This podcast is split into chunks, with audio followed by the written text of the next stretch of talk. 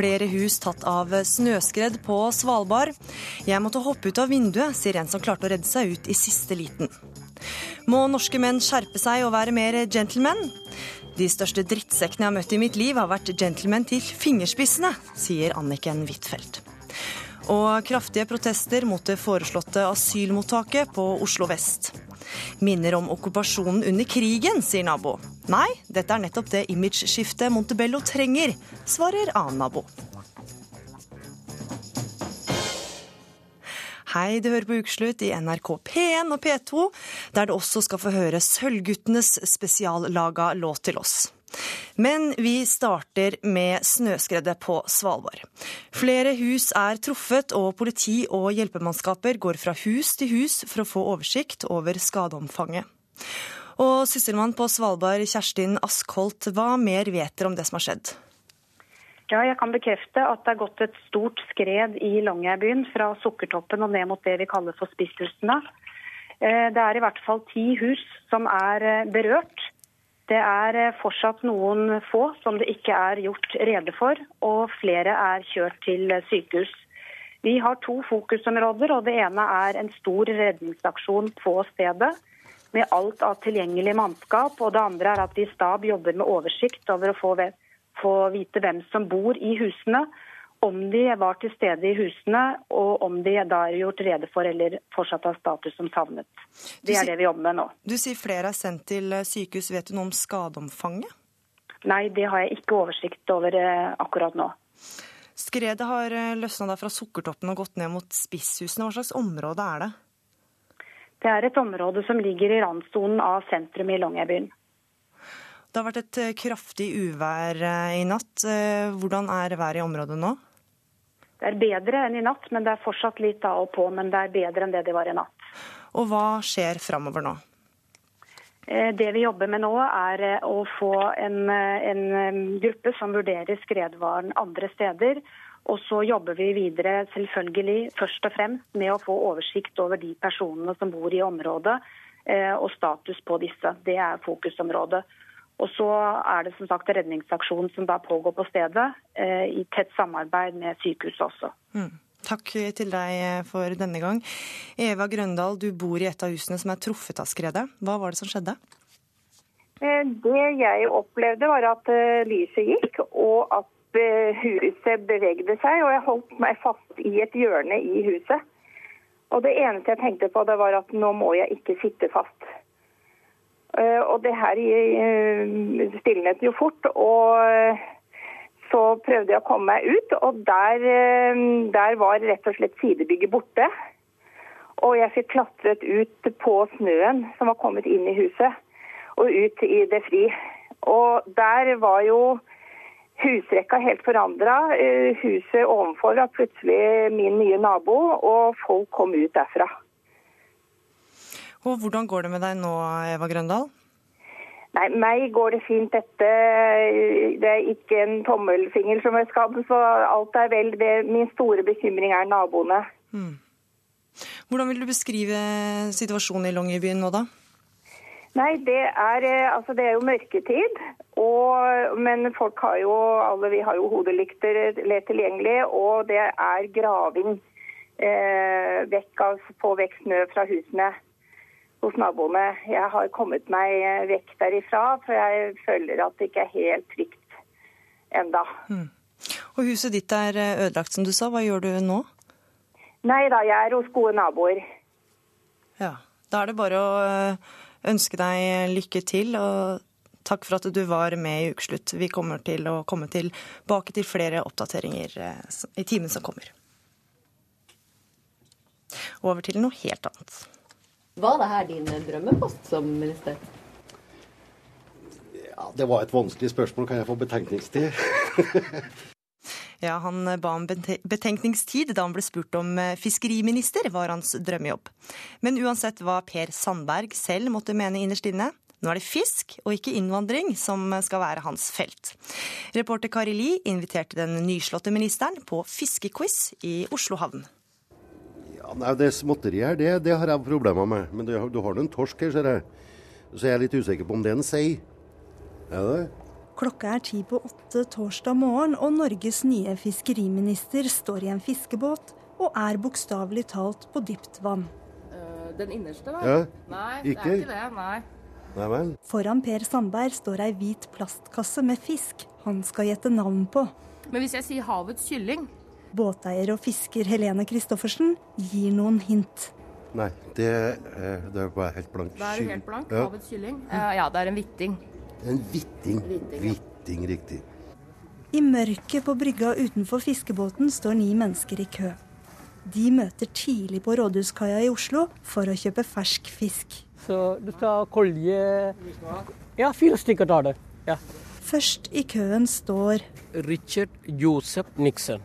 Nixon, Nixon, ja. akkurat som han i USA. ja. Og Richard Joseph Nixon vet godt hvem statsråden nedi båten er. Mhm, ja. Han har jo vært mye bråkete og laget mye ja, uro, usikkerhet.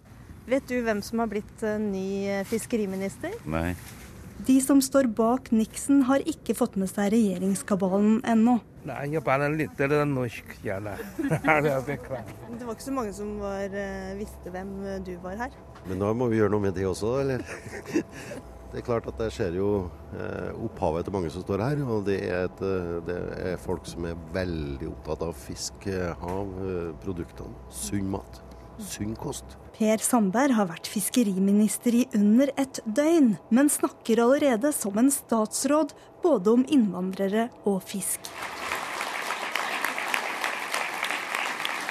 Jeg er stolt av at jeg står opp hver eneste dag Denne stilen er kanskje mer kjent. og bestemmer meg for Her snakker Sandberg til sine egne på landsmøtet. hva kan jeg legge i potten i dag. Og her er noe av det Fremskrittspartiets nestleder har lagt i potten i år. Jeg vet ikke hvor mange som har fått med seg diskusjonen om T-skjorta til Per Sandberg. T-skjorta han hadde på seg på landsmøtet med påskriften 'Good Journey' eller 'God reise', ble av noen tolka som en hilsen til båtflyktningene. at nå er det nok, Per Sandberg. Nå bør du roe deg ned. KrF-leder Knut Arild Hareide fikk nok da Sandberg påsto at KrF hadde et enormt ansvar for at norsk ungdom ble IS-krigere som massakrerte barn. Og det at du ikke engang greier å komme med en tydelig og helhetlig beklagelse, men faktisk å stå fast på substansen, det skuffer meg dypt. Og Sandberg svarte slik på spørsmålet om hvorfor ikke Frp satte mulla Krekar i forvaring som de hadde lovet. Ja, det er et godt spørsmål. Ja, derfor jeg stiller jeg det også. Ja, Vet du det? Vet du det? Kanskje jeg vet mer enn du gjør. Tusen takk for det. På Rådhuskaia betaler Richard Joseph Nixon for koljene og slipper nestemann til. Altså, det er greit at regjeringen får litt mer ro. Han skal konsentrere seg om sin fiske. Og fiskeriminister den måten så Arna håper, håper og tror hun får mer fred i ro og regjere i framover. Ja. Det er din analyse? ja, jeg håper det. Så Nedi fiskebåten er minister Sandberg i knipe. Det kalte vi når jeg var ung, bare som flyndre, vi da. Ja. Nettopp. Det er to flyndresorter her. Ja, det er to flyndresorter. Ja, og de er jo forskjellige, da, så de har hvert sitt navn. Eh, Den faller inn under tungekategorien. tungekategorien. Og, og eh, hvis, eh, hvis jeg skal gi deg enda et hint, da, så må jeg jo si at eh, fornavnet eh, er eh, eh, en eh, veldig eh, spesielt regulert eh, skalldyr som vi eh, som er veldig populær kysten rundt, egentlig, men særlig her nede hos oss. Hjelp! Eh, Det er høye bøter når du går utover eh, Jaha. det som er regulert. Her er havets kardinal. Havets kardinal.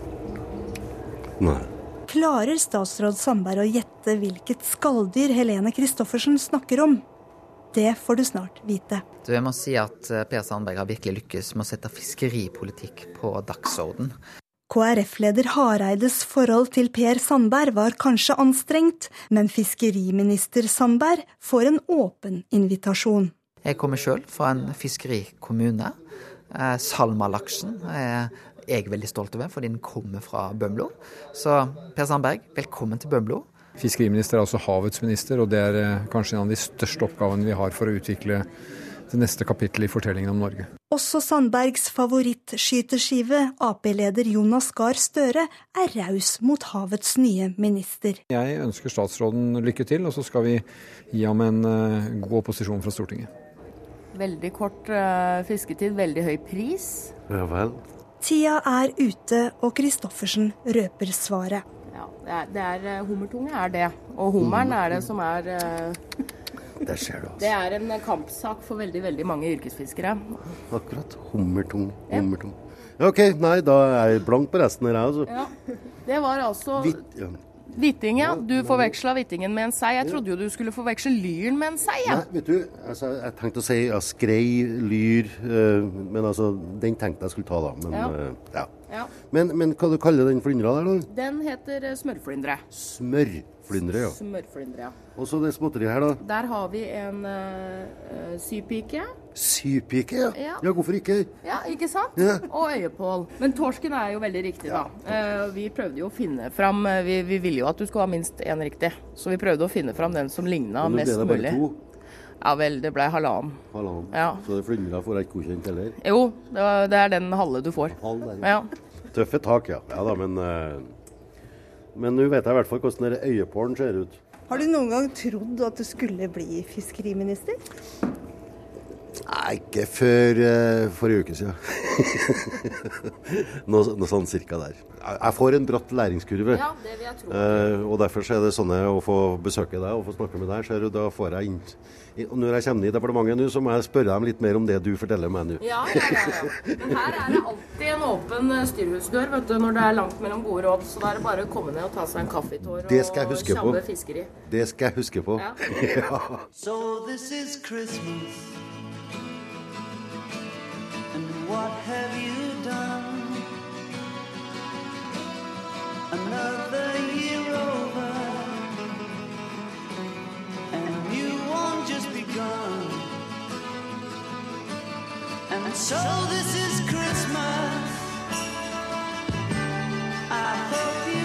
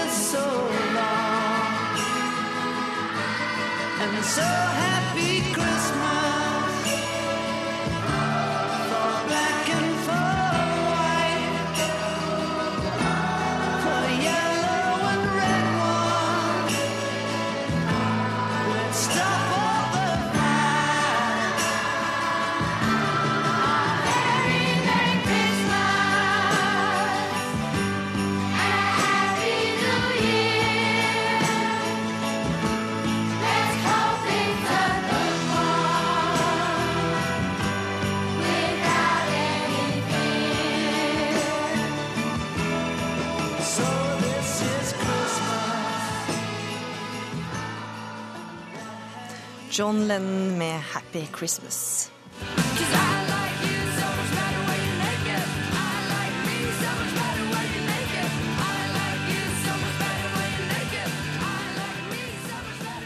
I flere år levde artisten Ida Maria livet sitt på hoteller og turnébusser i USA, Storbritannia og Norge. Da hun hoppa av i 2009, var hun 24 år og sterkt alkoholisert. Jeg veide vel oppimot 100 kilo og kunne knapt gå i en trapp, og spydde for å få plass til mer rødvin. Det skriver du, Ida Maria Bøhli Sivertsen, i en kronikk i Aftenposten denne uka. Mens eh, vennene dine tok eh, doktorgrader på universitetet, tok du doktorgrad i sex, drugs and rock'n'roll, betalt av plateselskapet. Hvor ille var det på det verste? Eh, Det var veldig ille, tror jeg nok du kan si, men jeg var nok ikke klar over hvor mye verre det skulle bli før det skulle bli bedre. Så når jeg trodde det var på det verste, eh, og jeg begynte å få blackouts på scener og så videre, og ikke huska tekst og ikke visste hvor jeg var, og, og agerte helt ukontrollert og, og sånn, så, så, så, så skulle det gå tre år til med drikking før jeg da la meg inn på rehabilitering. Burde de rundt deg ha sett at du slet? Det tror jeg alle så. Jeg, jeg vet at folk på den tida prøvde å, å, hjelpe meg, men jeg vet også at det, det kom til kort overfor sykdommen.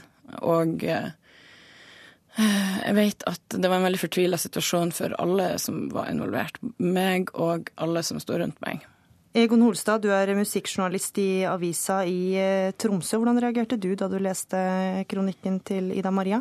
Eh, nei, Jeg reagerte jo eh, egentlig ganske lite i utgangspunktet. For at eh, denne historien har hun jo fortalt det veldig mange ganger. Fra 2010 cirka til i dag så har jo Ida Marie fortalt om sin, si, si onde tid som, som rusavhengig. Og det, det, er jo selvfølgelig ondt å høre på, for det er jo, det er jo en, en, en, en, utrolig røff situasjon for den som er i det, og ikke minst for de rundt den som har det rusproblemet. Så den, den, den storyen i seg sjøl er, er, er, ond å høre på. Og den, og den, har jeg hørt ganske mange ganger eh, i, i, diverse norske medier. Det jeg personlig har reagert på, og det som gjør at jeg har skrevet en en slags motkommentar til Ida Maria. det er at jeg stiller en del spørsmål ved det hun påstår i, i sin kommentar. Eh, hun skriver at Plateselskapet hadde, eh, hadde, egne kredittkort for å betale for fylla, og en PR-dame som fulgte etter oss for å få noe skandaløst på trykk. Og så fortsetter hun med Journalistene skjenket meg for å få meg til å snakke dritt om andre artister. Det var gøy en liten stund, men det sluttet brått.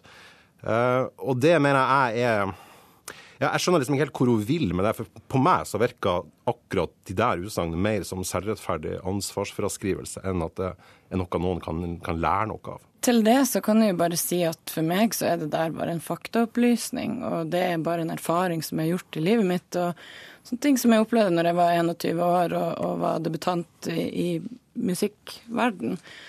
Så det ser ikke jeg på som noe sjokkerende eller, eller noe rart eller ansvarsfraskrivende. Det er jo hans ord.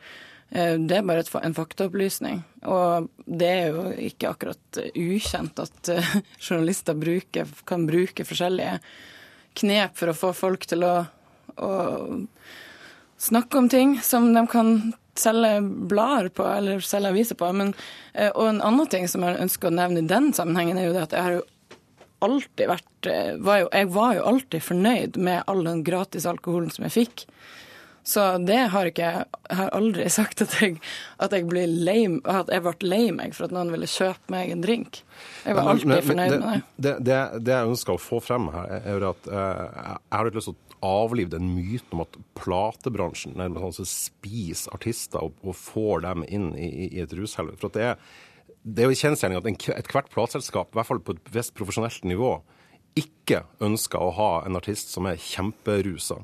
Eh, det var ikke sånn at eh, Island Records ikke ville jobbe mer med Amy Winehouse. De slet jo òg eh, med, med, å få henne på fote og få henne til å fungere. Og på den måten mener jeg at i den norske platebransjen f.eks. Altså, så er det masse eksempler på at de i selskapene har vært de som virkelig har stått på. Når både venner og familie og alt annet har svikta, så har de stilt opp for artistene sine. Nettopp for at det er ikke noe poeng å ha en artist som er helt ute å kjøre. Man må få artisten opp på føttene for at det skal være noe poeng i å, i å jobbe med dem. sånn at at, liksom, at plateselskapet betalte fylla til, til, til, til, Ida Maria, som hun skriver i artikkelen sin, ja, mulig det, men jeg tror ikke de hadde et ønske om at hun skulle bli alkoholiker, som det er veldig lett å få inntrykk av at det var tilfellet når man leser det hun skriver. Ja, Hva du får inntrykk av i, når du leser min artikkel, det har jeg dessverre ikke noe kontroll over. Jeg skriver nå det sånn som ting var, og så er det opp men du, til leseren. Men du skriver jo at plateselskapet var med på å betale? Ja, ja. absolutt. De betalte massevis av, av, alkoholregninger og diverse. Og jeg har aldri hevda at plateselskapet gjorde meg alkoholisert. Jeg tror egentlig ikke at noen eh, omstendigheter kan gjøre noen til å bli alkoholisert alkoholiker. Jeg har helt annet syn på saken. Men, men, men, kan jeg spørre deg, Ida Maria, eh, for det, det er jeg faktisk seriøst opptatt av. Jeg lurer på, hva, hva, er det du da vil med denne artikkelen? Du skriver bl.a. at du lever fortsatt til glede og forargelse for mange.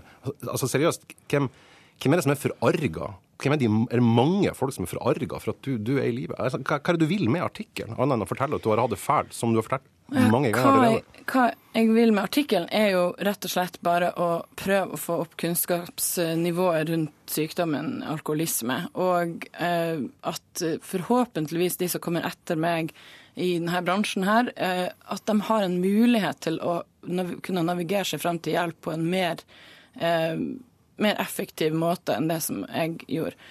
Eh, fordi at jeg mener at det er trist hvis man er nødt til å pensjonere seg i en alder av 24 år i et yrke som man strengt tatt kan holde på med i mye lengre tid.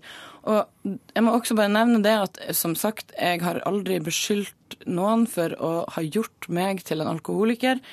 Og eh, plateselskapet gjorde ikke det, og eh, ingen andre omstendigheter gjorde meg til alkoholiker. Men jeg registrerer at den, i denne bransjen så finnes det veldig mange utsatte eh, mennesker. Og eh, det er folk som har dødd av det her i Norge. Jeg skal ikke nevne navn. Men jeg tror det er på tide at vi setter oss ned og, og samtaler om løsninger på dette problemet, istedenfor å fokusere så mye på eh, hvem sin skyld det er. For det her handler egentlig ikke om skyld. Takk for at dere kom til ukeslutt, Ida Maria og Egon Holstad. Da kom akkurat reporter Kristine Næss eh, Larsen inn i studio, eh, for da skal vi tilbake til Svalbard, der altså ti hus har blitt tatt av skred. Og Kristine Næss Larsen, hva er siste nytt? Ja, skredets omfang er fortsatt ikke avklart, men som du sier så opplyser politiet på stedet til Svalbardposten at ti hus er tatt. Politiet forteller at folk blir kjørt på sykehus, og så langt så er det kommet inn fire voksne og to barn til Longyearbyen sykehus. Ingen av dem skal være hardt skadd. Samtidig sender Universitetssykehuset Nord-Norge opp forsterkninger i form av et fly med to ekstra legeteam. Helsepersonell i Longyearbyen sier situasjonen foreløpig er eh, håndterbar, men at det er usikkerhet rundt de som ikke er funnet ennå. Og For øyeblikket så er det uklart om det var noen utendørs da skredet skjedde. Takk til deg, Kristine Næss Larsen. Du følger situasjonen og kommer tilbake med mer. Nå skal vi over til noe helt annet.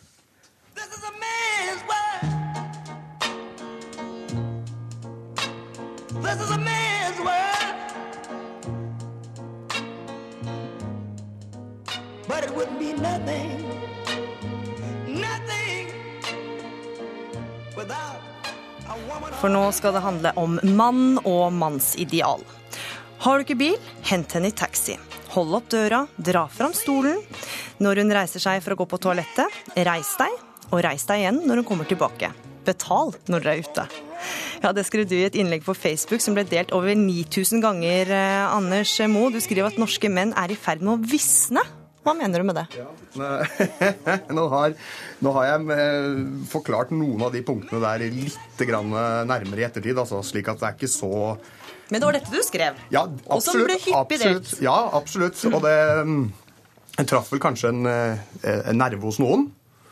Kan vi si det sånn? Mm. Når det tar såpass av. Jeg hadde jo ikke forventet det, men eh, Men på hvilken måte er norske menn i ferd med å visne? Jeg kan gi et godt eksempel. Eh, I går så var jeg ute og spiste middag alene. Jeg sitter og observerer, og så ser jeg mann og kvinne kommer inn på restauranten. Han går først, og hun må dukke for ikke få døren rett i ansiktet. I. Og da tenker jeg ja, det var jo rette tingen for meg å se akkurat nå. Men dette er de tingene. Og han sa ikke unnskyld, og hun gjorde heller ikke noe nummer ut av det. Akkurat som det var en sånn uh, daglig greie. Og da tenker jeg at da, nå, må vi jo, nå må vi jo skjerpe oss litt her, da. Ja, for du mener at norske menn kan lære noe av den eldre garde? Akkurat når det gjelder de tingene her, så veldig definitivt, ja. Det syns jeg. Jeg er oppvokst med en, en far og en bestefar og en farfar som eh, holdt opp dører og tok jakken og gjorde de tingene som det mest naturlige i hele verden. Og jeg ser ingen grunn til at ikke vi skal ivareta de tingene der. Anniken Huitfeldt, du er leder av Arbeiderpartiets kvinnenettverk. Savner du gentlemanen fra 50-tallet? Nei, men det er klart at det å vise hensyn, eh, som Anders Moe eh, beskriver her, det er viktig. Men jeg syns han tar den litt sånn langt ut, at man skal hente damer skal man invitere i taxi og sånn. Jeg tror kanskje den dateoppskriften som han presenterer her, jeg tror en del damer faktisk ville følt det sånn slitsomt, og at du hadde kommet med en viss sånn takknemlighetsgjeld. Altså, du kan ikke stikke fra en fyr du ikke liker, som har spandert 2000 kroner på deg, hvis han ikke har innmari mye penger, da. Så jeg tenker at eh, det blir litt feil. Og så tenker jeg også at eh, de unge gutta i dag, 20 år, som er både yngre enn Anders Moe og meg, de er faktisk ganske respektfulle overfor jenter. Og det med at man ikke skal eh, ta seg til rette overfor jenter som er fulle på byen, der tror jeg faktisk dagens 20-åringer er mye mer respektfulle enn det eh, menn på min alder var da de var 20. Så jeg mener at samfunnet på mange måter går i riktig retning, selv om det å bli behandla som en kvinne når man er på fest og sånn, det syns jeg er veldig fint. Det høres jo litt deilig ut å bli henta i drosje hvis du skal på date. Jo, men kanskje litt slitsomt også. Hvis du skal møte en fyr for første gang, og så har han liksom liner opp og reiser seg og skal på do, og da blir det Det kan bli litt kleint. Ja, Hvordan hadde du reagert hvis daten din hadde reist seg opp både når du skulle på do og kom tilbake fra do? Litt mye, men, men så tror jeg på en måte at Anders må han glemme det, det viktigste. Og det er at eh, jeg tror at eh, det norske menn bør gjøre på date da. Dette er ikke noe Arbeiderpartiet har oppfatninger om, men det er, å, det er å stille spørsmål. For det er veldig mange menn og gutter de tror at det er om å gjøre å imponere og spandere og være liksom stor kar og skryte av seg sjøl. Men det er liksom interesse for, for, for, kvinnen som det kanskje du vil ha fram i dette innlegget her. Det burde du kanskje skrevet mer om, da, tenker jeg. Ja, Anders, hvorfor det, går, går, det bare til menn, dette her? Nei, jeg, jeg, vil gjerne kommentere noe av det Anniken sier, hvis det er greit. Eh, for det første, stille spørsmål. Ja, selvfølgelig. Det burde man jo absolutt gjøre. Og når det går på dette med å hente i taxi og sånne ting, det, var, det er et eksempel da, fordi noen hvis man kanskje ikke hadde bil, men det skal jo være Hele veien så må det ligge til grunn at uh, du forventer ikke noe tilbake, og man må være veldig åpen på at dette gjøres ut ifra et komfortabelt perspektiv for begge to. Uh, sånn at uh, jeg jeg vil jo veldig gjerne si det at eh, det er ikke noe galt i å møtes ute. Og hvis du som mann går så hardt inn i dette gentlemans-greiene at du får hun til å både være ubekvem og ukomfortabel, og da, det, da, faller det heller ikke naturlig for deg. Da må man kanskje trene litt mer, eller et eller annet sånt noe. Men hvorfor er det akkurat menn du oppfordrer til å gjøre disse tingene? Jeg, først så tror jeg ikke at jeg skal skrive et stort innlegg om hva kvinner bør gjøre, for det, det vepsebordet der tør jeg ikke. Det tror ikke jeg. Eh, så jeg tenker at eh, jeg for å, Fra spøk til, til alvor så syns jeg at eh, dagens unge menn jeg, jeg, kan se hva Anniken sier også, at det er mye bra der ute, og det går kanskje på mange måter i riktig retning, men jeg ser mye som, er, som for meg er helt sånn forferdelig dårlig oppførsel. Men til syvende og sist så handler det om at vi bør bli bedre på bare å, å, å se hverandre og se medmenneskene våre. Og for meg så er en, en ekte mann en som tar litt ekstra vare på de rundt seg, viser at han ser, ser de rundt seg, både ved å holde opp en dør og, og, og sånne ting, men, og ikke bare for kvinner han er ute med, men for alle, egentlig. Men Anniken, da du hadde lest eh, Anders Moe sitt innlegg, så skrev du på melding til meg at de største drittsekkene jeg har møtt i mitt liv, har vært gentlemen til fingerspissene. Ja, altså Jeg mener ikke at høflige menn eh, i sin alminnelighet er drittsekker. Snarere tvert imot. Det er fint å være høflig. Men liksom, en som behersker dette liksom 100 da hadde jeg blitt litt sånn eh, mistenksom på er dette, hva er det bak her. Er det ja. noe man vil oppnå? Og, dette, og, kanskje spesielt dette med gaver, da. Og du er fra næringslivet, og jeg er fra politikken. og eh, Både du og jeg vet at man kan godt si at jeg, man mener ikke noe å få noe igjen når man gir en gave, men det er jo sånn det fungerer i realiteten. Ikke altså, for man. Nei, veldig fint. Men man kommer i en takknemlighetsgjeld, da. Som jeg tror at uh, noen ja. kan synes blir slitsomt. Men det er kanskje litt med hvordan man også da presenterer gaven, og hvordan man håndterer rundt det. Og det var alt vi rakk for denne gang. Diskusjonen eh, fortsetter eh, sikkert eh, hjemme. Takk for at dere kom til ukeslutt, Anniken Huitfeldt og Anders Moe. Du hører på Ukeslutt her i NRK P1 og P2, og det må du fortsette med. Justin Bieber betyr alt for meg, sier Belieber, som bruker over 50 000 for noen minutters møte med Idol. Og det blir langt fra hvit jul. Snart får du ukesluttsversjon av de gode, gamle vintersjangerne, framført av selveste Sølvguttene.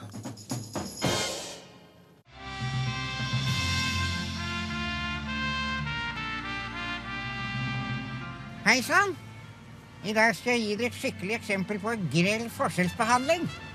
Mens folk nede i byen får avisen lagt ut på dørmaten hver eneste morgen tidlig, så må vi også som bor her på Montebello, gå ut mange meter for å hente denne avisen, bare fordi det idiotiske postverket har bestemt at aviskassen ikke skal stå mer enn 25 meter fra veien.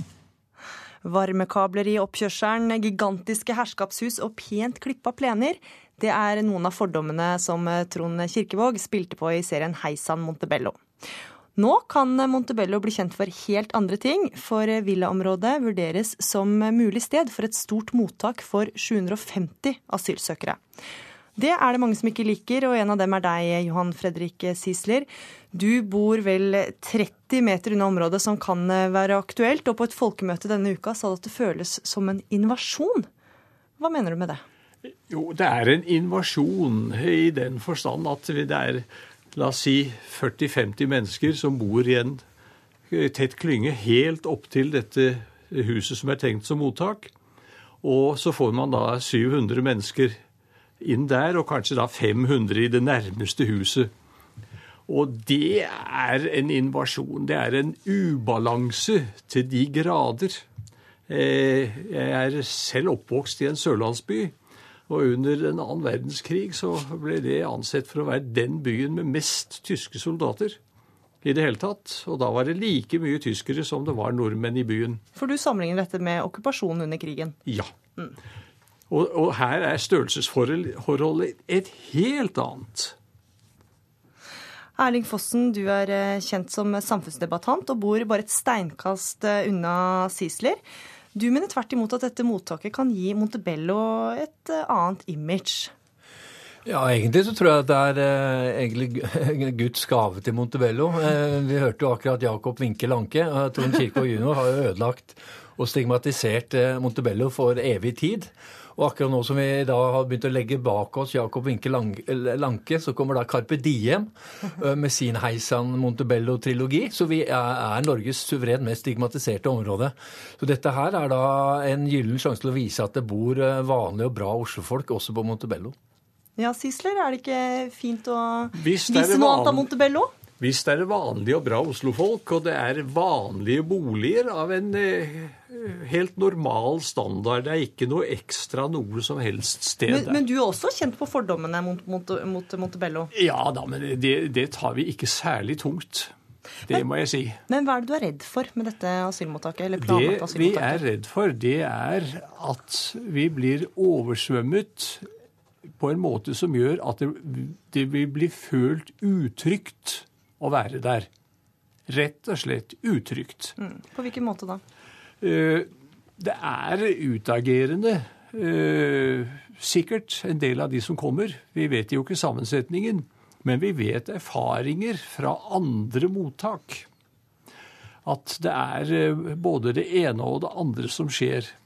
Så det, vi er redd for utagering. Vi er redd for antastelser. De har jo til og med i andre mottak antastet skolebarn. og Nede på Brunstad i Vestfold har jo kommunen måttet begynne å kjøre skolebarn med drosje forbi uh, dette her mottaket, som nå for øvrig nedlegges. da. Ja, Fossen, naboene dine er redde. Flere av de vil eh, installere overvåkingskamera ved dørene sine. Ja, men Engstelse er, eh, det er en menneskelig følelse. Altså, den, den, kan man få lov til å hilse på. Men jeg syns ordbruken her er særdeles uheldig, hvor man bruker invasjon, sammenligner da med, med tyske soldater. Man snakker om at det er utagerende atferd. Altså, sånn. Først og fremst da kan du si eh, vi er en urolig verdenssituasjon.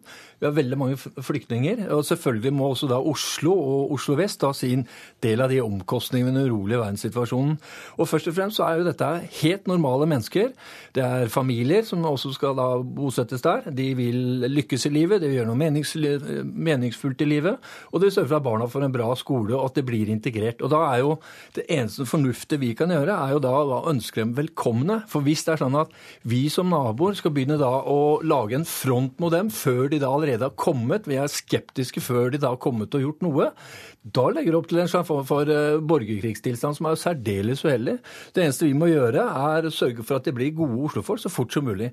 Og det rare er at det sivile samfunnet på Montebello er jo særdeles sterkt. Uh, særdeles veldrevne idrettslag. Njål, Ullern. Vi har godt drevne og aktive velforeninger. Så vi er kanskje det stedet i Oslo som er best egnet til å ta imot så mange flyktninger og hjelpe dem da inn i Oslo-samfunnet? Sisler? Ja, Vi mener jo fortsatt at det er alt, alt, altfor mange. Eh, og at det er en uh, Som jeg sa Hvem er vi da?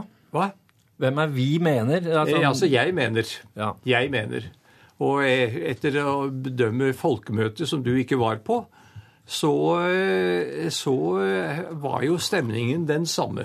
Men, men Sisler, en av naboene dine sa også på folkemøtet at dette er en gavepakke for oss å vise nestekjærlighet. Er det ikke det, da? Jeg syns ikke det. Jeg syns ikke det er en gavepakke. Hadde det kommet et rimelig antall, så var det ingen som hadde løftet en finger. Hadde det vært færre, så hadde det vært greit. Hadde det vært færre, så hadde det vært greit. Hvor går grensa da for hva som har vært greit? Ja, si det, du. Den som kunne si det. Men eh, eh hvis jeg f.eks. antyder 150-200 som også er et stort antall, men da tror jeg ikke det hadde vært eh, snakk om i det hele tatt. Men eh, det er så voldsomt, dette her. Ja, Erling Fossen, Det er jo snakk om å bosette da 750 asylsøkere på et ganske lite område? Ja, det, det er en utfordring. Men akkurat det området, sånn, hvis, hvis, man er kjent der eh, det har jo vært inngjerda før. Statnett, Statkraft holdt til der. Det har vært et sånn sort hull. Eh, det ligger litt sånn eh, tilbaketrukket, så å fylle det med liv er supert. Det ligger rett ved T-banen. Og det som jeg, er, jeg syns er mye mer problematisk, er at asylsøkere ender opp på et høyfjellshotell og, eh, og blir da helt sånn isolert fra resten av det norske samfunnet. Her er du rett på T-banen. Du kan lage nettverk i, i byen med allerede godt etablerte syrere. Så sånn sett så ligger det egentlig perfekt til. Men, men altså, antallet må jo diskutere, for det som er uheldig, er jo at dette er noe staten bestemmer, og så lager de da en avtale med en privat driver. Eh, Lippestad sa på folkemøtet at kommunen har egentlig ikke noe med denne prosessen å gjøre. Så hvis man da drar med seg lokalsamfunnet i dette, men også da kan diskutere eh, antall, så tror jeg dette her kommer til å gå helt knirkefritt. Mm. Sisler, altså det skal ligge rett ved T-banen, som eh, Fossen sier. Hva er grunnen til at du tror at de vil henge på Montebello framfor å ta banen rett ned til byen? Nei, jeg har ikke noe mistanke om at de vil henge der. Det var en som sa på folkemøtet. Så, eh, Men hva er du redd for da, hvis de ikke kommer til å henge rundt i nabolaget ditt uansett? Vi er eh, engstelige for en viss form for utagering. De er, eh, de er dessverre mennesker. Mennesker er jo skyldige inntil det motsatte er bevist. Du kan ikke ha den engstelsen når du møter dem for første gang. Du må jo da gi dem en sjanse til å oppføre seg. Vi hører på erfaringene fra andre mottak, og dette er betegnet fra UDIs side som et kjempeeksperiment. Det er første gangen de lager et mottak av denne størrelsen klin oppi en lokal bebyggelse. Det har de aldri gjort før, og de vet ikke hvordan det kommer til å gå. Og vi har ikke noe lyst til å være forsøkskanin i den prosessen der. Vi ønsker en helt annen prosess. Da blir det bare tida til hjelp for å, for å, se hva som skjer. Hvordan blir det å møte hverandre i gata etter, dette, etter denne debatten, Fossen? Det tror jeg går veldig bra, hvis det er meg du spør. Ja, det, det, tror jeg går helt utmerket. Fortsatt gode naboer. Ja, ja. ja men det er, det er, utrolig mye bra folk på Montebello. Vi har nå i dag bare en sjanse til å vise det for hele Oslo.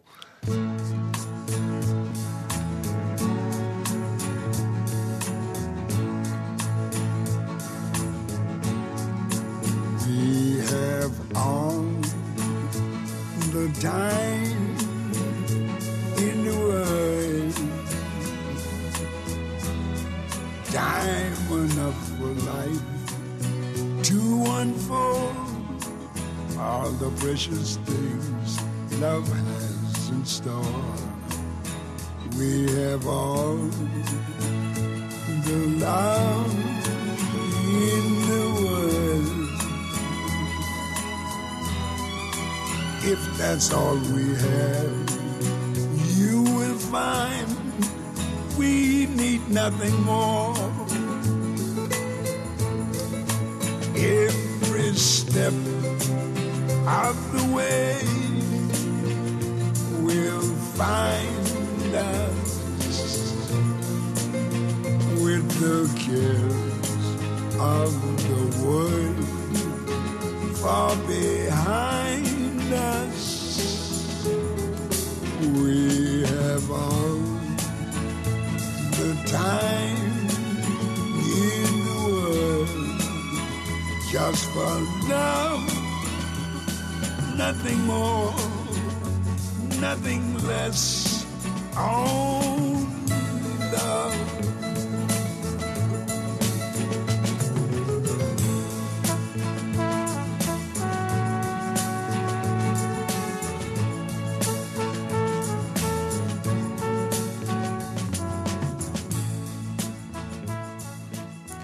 Louis Armstrong med We Have All The Time In The World. For mange norske barn og unge er det som skjuler seg i julekalenderen, et av høydepunktene i jula.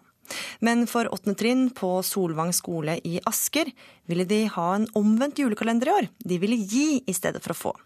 Ukesluttsreporter Marie Røsland ble med da åttendeklassingene var julenisse for noen av landets enslige mindreårige asylsøkere. Ja, er dere klare? Ja. Ja, jeg tror det. Disse ungdommene skal snart overraske noen de aldri har møtt. Hva, hva vet dere om disse her, da? Det er jo unge enslige, men vi vet jo ikke noe stort mer enn det. Skal jeg bare, skal vi ta én hver eller noe sånt? Ja, ja. Jeg kan ta den her. Julenissen kommer i kveld. Før disse skal være julenisser, skal vi spole litt tilbake. Vi er på Solvang skole i Asker. Vi får jo julekalender hjemme, og vi får veldig mye gaver. Så da kan det være bedre å gi istedenfor å bare få. Andreas, Sigurd, Charlotte, Tuva, Maria og resten av åttende trinnet har siden 1. desember samlet inn penger til et helt spesielt formål. I stedet for å få kalendergaver selv, gir de heller en viktigere gave. Ja, vi har bestemt oss for å gjøre det her, fordi at vi har det så utrolig godt i Norge. Og så har det jo vært så mye fokus på flyktninger som kommer til Norge nå dette året. Og da tenkte vi at det var passende at vi ga til asylmottaket på Hvalstad. På asylmottaket på Hvalestad bor det rundt 140 enslige mindreårige flyktninger. De kommer hovedsakelig fra Afghanistan, Syria og Eritrea. Ja, de har jo da rømt eh, alene eller med familie og mistet familien sin, eller kommet bort fra dem. Og da, det er nok veldig tungt for dem, men at vi kommer og viser at vi bryr oss og vil hjelpe dem, da, de blir nok glade for det. Men hva kan disse ønske seg til jul? Åttendeklassingene har funnet ut at aktiviteter er det beste svaret. Billetter til bowling, kino og svømmehall samt tegnesaker er det som venter ungdommen på mottaket. Ja, vi håper jo på at de blir glad, selvfølgelig. Det tror jeg også at de blir. Eh, for det er jo på ingen måte lett å komme til et helt fremmed land alene. Eh, så jeg syns at eh, Jeg tror de blir veldig glad hvis de får, når de får de sosiale tiltakene vi har satt i gang. Jeg tror det blir ganske spesielt for dem å tenke at faktisk noen bryr seg om dem. Gleder dere dere til å møte noen av disse? Ja. Ja. Ja. Ja. ja. Nå er det tid for å være julenisser. Maria. Hyggelig at dere kom. Charlotte. Hei. Åttendeklassingene får møte noen av de afghanske guttene som bor på mottaket. I en svær gymsal sitter forventningsfull afghansk og norsk ungdom i en litt for stor ring. Eh, Jeg vil jo si at vi er veldig glad for at vi fikk lov til å komme. Og vi gleder oss veldig til å møte dere og overrekke gaven. Og etter litt småprat And you like the Norwegian food? Ja. ja. Brunost? er det tid for gaveåpning. Yeah, swimming course to go in the swimming. Yeah, thanks a lot. Thanks a lot. Thank, thank you so much. Painting color paint. Yeah, it's pencils. Yeah, it's pencil. Yeah. Now I don't have words to explain these all feelings for them, and uh, so far that we have come from the countries where we have seen so many things. Kids like them are being killed by the terrorists. Jeg har ikke ord for å beskrive mine følelser for disse. Der vi kommer fra, blir barn som dem drept, forteller en av de afghanske guttene. Dette blir hans aller første julefeiring. Hva synes dere om dette, da? Nei, det var en eh, opplevelse for livet og utrolig spennende å se hvordan de har det. Og veldig takknemlig for at vi fikk lov til å bli vist rundt som vi blir nå. Ja. Det er jo noe vi aldri kommer til å glemme, og det var noe som kommer til å bli med resten av livet vårt. Virkelig veldig mye bedre enn å få en gave, spør du meg.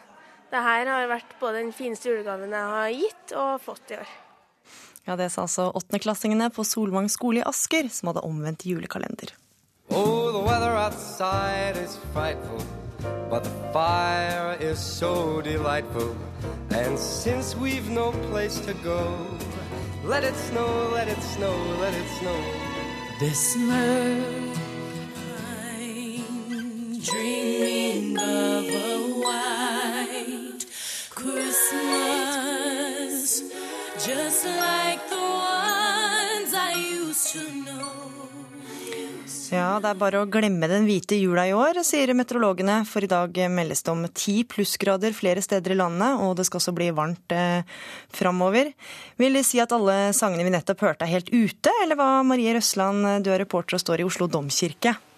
Ja, skal vi tro eh, været i hovedstaden, så er det lite som minner om jul. Utenfor vinduene i domkirken så henger tåken eh, tett. Men det er andre måter å få julestemning på. Sølvguttene de skal holde konsert her senere i ettermiddag. Og jeg står her med en liten håndfull sølvgutter. Hei, gutter. Hei. Og eh, i anledningen det nye vinterværet, så skal de eh, spille en helt eh, fersk sang etter initiativ fra Ukeslutt. Så den skal vi få høre nå. Det drypper, ja,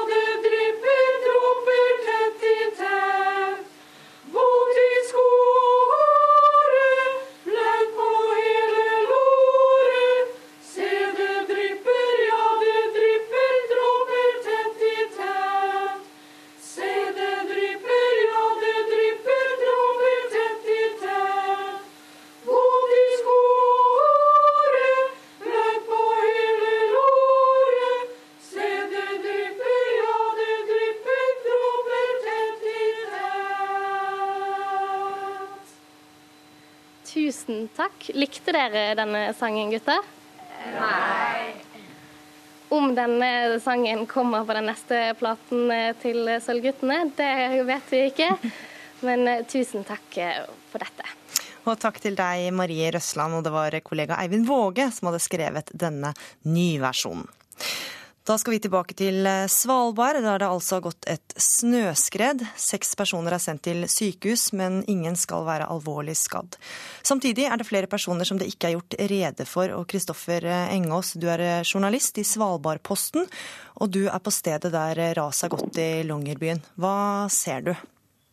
Ja, Det jeg ser akkurat nå, det er at uh, mannskaper driver på å grave i et område som jeg vil anslå er rundt 50-60 kvadratmeter intenst over den rekka, den rekka som sto nærmest fjellet, som da altså var tatt dette skredet. Eh, Ellers så er det jo ambulanse og, og Røde Korset her og, og redningspersonell. av Alt av tilgjengelig mannskap er jo ute. Vi brukte også det som skjer bak meg her eh, på Lompensenteret, som er kjøpesenteret i Longyearbyen. Det er da tatt i bruk som et sånt eh, senter, krisesenter, der eh, frivillige kan gå og melde seg, og der de prøver å holde en viss oversikt over situasjonen, som fortsatt er uoversiktlig. Hvordan vil du beskrive området da? Området som rent fysisk Mm. Ja, altså, det her altså, det gikk jo mot uh, spisshusene, som er disse karakteristiske husene du ofte ser på bilder og postkort fra Longyearbyen. Raset har gått altså det, jeg vil si det halve fjellsida av Sukkertoppen, som ligger da øst for denne bebyggelsen. Et flakskred eh, som er veldig stort, som har gått da i ja, ti over kvart over ti eller noe sånt. Og da folk kom strømmende ned til byen etter til å hoppe ut vinduene og ja, flykta, rett og slett. Det er bratt fjellside, og dette området er definert som rasfarlig, men eh, husene ble bygd før den tid, så de har fått lov å stå der, rett og slett. Og folk har da bedt om å stille opp med spader for å grave. Har det kommet mange frivillige til stede? Ja, det var en lang, lang rekke av eh, folk, eh, menn og kvinner, som eh, gikk inn i rasområdet med refleksvester og hver sin spade. Og eh, det, jeg har sett, selv sett mange som har kommet hit og spurt om de, det var noe de kunne gjøre. Og nå forstår jeg at de har nok folk til å Vi mister vel oversikten hvis det blir altfor mange som holder på å grave opp i der. Og det er jo fortsatt mye snø oppe i fjellsida. Man må jo liksom ha et dekk opp imot fjellsida òg. Vet du om det fortsatt er rasfare i området? Ja, det, det er vanskelig å si. Altså, vi hadde jo det verste uværet vi har hatt her siden jeg flytta opp, i hvert fall for to og et halvt år siden eh, i natt. Eh, oppe i orkan eh, i flekkene. Og eh, dette raset hadde gått på V-sida av eh, fjellet, altså eh, gått på, på vestsida av fjellet, og vinden var jo østlig da. Eh, hvor mye snø det er oppi de andre eh, fjellsidene, det, det er umulig å si, for det er mørkt hele døgnet her. og, og eh, de har satt lyskastere opp mot Sukkertoppen nå, så vi ser opp i fjellet der. og Det er fortsatt snø der oppe. Så um, hvorvidt det faller eller ikke, det, det, må, det vet ikke jeg. Nei. Vi hører at det blåser litt. Hvordan vil du beskrive været nå? Nei, været er ganske greit. Det er på vidt sida minus én tror jeg det var siste sjekka, uh, og litt uh, vind. Eh, for så vidt greie forhold å, å drive med søk i. Takk til deg, Kristoffer Engås, eh, journalist i Svalbardposten. Og eh, folk kan følge utviklinga på nrk.no og på Alltid nyheter her i NRK.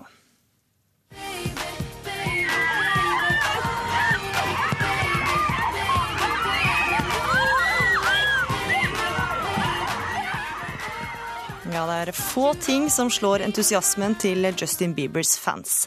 Denne uka tok det under en halv time før samtlige billetter til begge de to konsertene hans på Telenor Arena neste høst ble revet bort.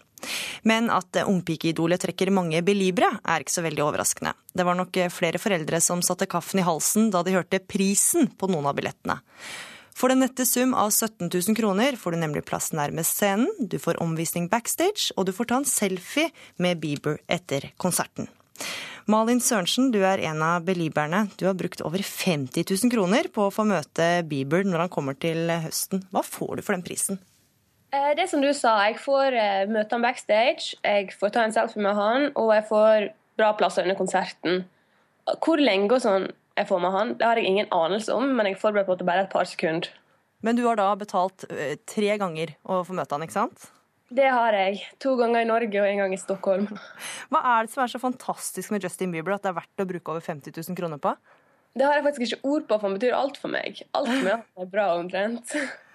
Shioma Anu Gweje, du er eh, blogger, journalist og Bieber-fan. Ja. Du er også en belieber, Det er jeg. men du blir sint av disse prisene? Jeg ble skikkelig sint da jeg hørte rykter om at, uh, om at prisene skulle bli så dyre. Så ble jeg skikkelig sint, fordi jeg synes, jeg, syns at det var kommet til det punkt hvor konsertbillettpriser blir dyrere og dyrere uansett. Så hvis man skal da betale 17 000 kroner for å møte en person, og det er ikke sikkert på at du, bildet blir bra engang, du vet ikke hvor mange sjanser du får, du vet ikke hvor lange møter blir. Jeg har sett meet and greet-bilder med Justin tidligere hvor han har hatt på stor hatt, så du ser nesten egentlig ikke at det er han. Han kunne vært hvem som helst. Han kunne vært hvem som helst. Og så tenker jeg at eh, jeg- blir så sint, fordi management og Justin utnytter det faktum at folk er så store fans, at jeg er villig til å betale 17 000 for kanskje, for kanskje to minutter med han, da, hvis de er heldige. Og, det, og, det, og, det, og når man hører sånn, ok, de får, men noen folk kan si, ja, men de blir jo i hvert fall vist backstage. Men de blir jo vist backstage som management velger. De blir jo ikke akkurat vist der hvor Justin henger, eller ok, kanskje får møtt noen av danserne. Men de får liksom ikke komme til ordentlig, ordentlig backstagen. Og det er da altså Biebers management som ja. har satt prisene. Hvor mye ville du eh, vært villig til å betale for å møte Justin Bieber? Um, jeg er fan av Justin, men eh, jeg hadde nok ikke vært villig til å betale så mye. Jeg, jeg føler at eh, når jeg betaler penger for å se han, for å se han live, syns jeg det er nok. Hadde jeg vært så heldig å få møtt han, hadde det vært kjempekult, men jeg hadde nok aldri betalt for en meet and greet. Hva syns du da om at Malin har brukt 50 000 kroner på å få møtt ham? Da jeg hørte det, så ble jeg først så ble jeg veldig sjokkert. Og så tenker jeg ok, greit, hvis man har råd til det, så skal man jo få lov til å bruke pengene sine som man vil. Men jeg kan skjønne at uh, hun hadde lyst til å bruke, investere 17 000 kroner én gang, selv om det er et enormt beløp. Men jeg forstår ikke helt hvorfor hun har behovet for å møte han to ganger til.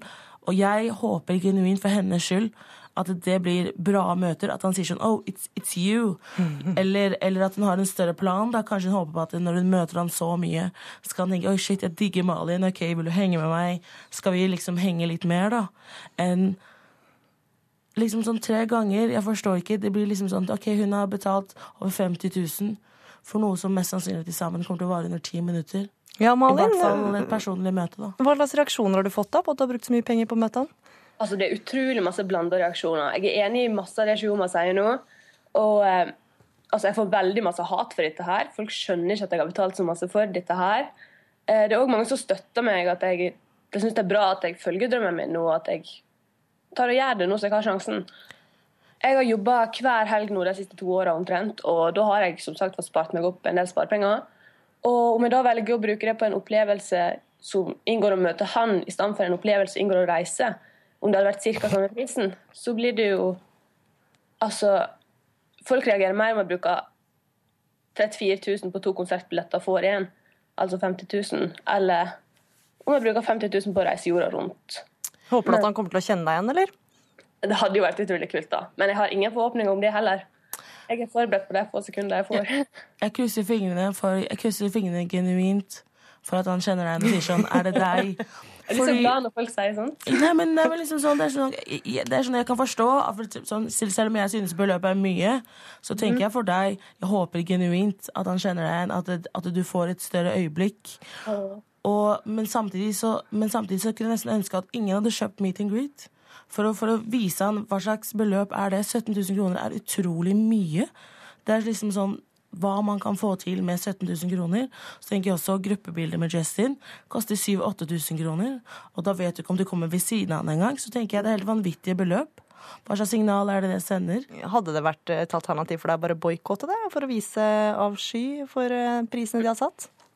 Egentlig ikke, fordi at jeg har nå tjent opp penger nå til dette. Jeg var forberedt på det når jeg fikk vite om prisene. Men jeg skjønner utrolig godt at mange fans har lyst til å boikotte dette. Men i og med Justin Bieber er en så stor artist, så tror jeg det er helt umulig å få til at alle i hele verden og alle konsertplassene kommer til å gjøre det. Noen kommer til å kjøpe det uansett. Da er det bare å ønske deg lykke til og håpe du ikke har øynene lukka når du skal ta selfie med Justin Bieber. Ja, lykke til. Takk for at dere kom til ukeslutt. Da skal vi høre hva den eldre garde syns om de stive prisene. Reporter Eileen Lindvold dro til vinneren Eldresenter. Har du hørt om Justin Bieber? Ja, ja, men han kommer neste Jeg har ni barnebarn, du. Så jeg har hørt om Justin Bieber. Han tar 17 000 kroner for å møte fansene sine. Hva syns du om det? Håpløst. Jeg syns, jeg det er håpløst, da. Ja, ja Han det, han ble så fornærmet for den der vannflasken, og så bare avbrøt. Det var jo helt forferdelig. Og disse håpløse jentene òg. Ja, ja, ja. De er jo helt. Det syns vi gamle, vet du. Men hvem er din favorittsangartist? Vi får ta Frank Sinatra. Strange in the night. ja. Å, men hun er død. Nora Brogstedt er død. Jeg ville fortalt henne hvor mye hun betyr for sang i min generasjon. Men hvis du måtte betalt 17 000 kroner for å treffe henne og fortelle henne det Nei, nei, du, nei. Det, det ville hun synes var idiotisk. Hun var en jordnær person, og hun ville synes at det var idiotisk. Da er eh, ukeslutt eh, slutt. Ansvarlig for sendingen var Elisabeth Onsum. Det tekniske ansvaret hadde Hans Ole Hummelvold, og her i studio var Gry Veiby. Takk for følget.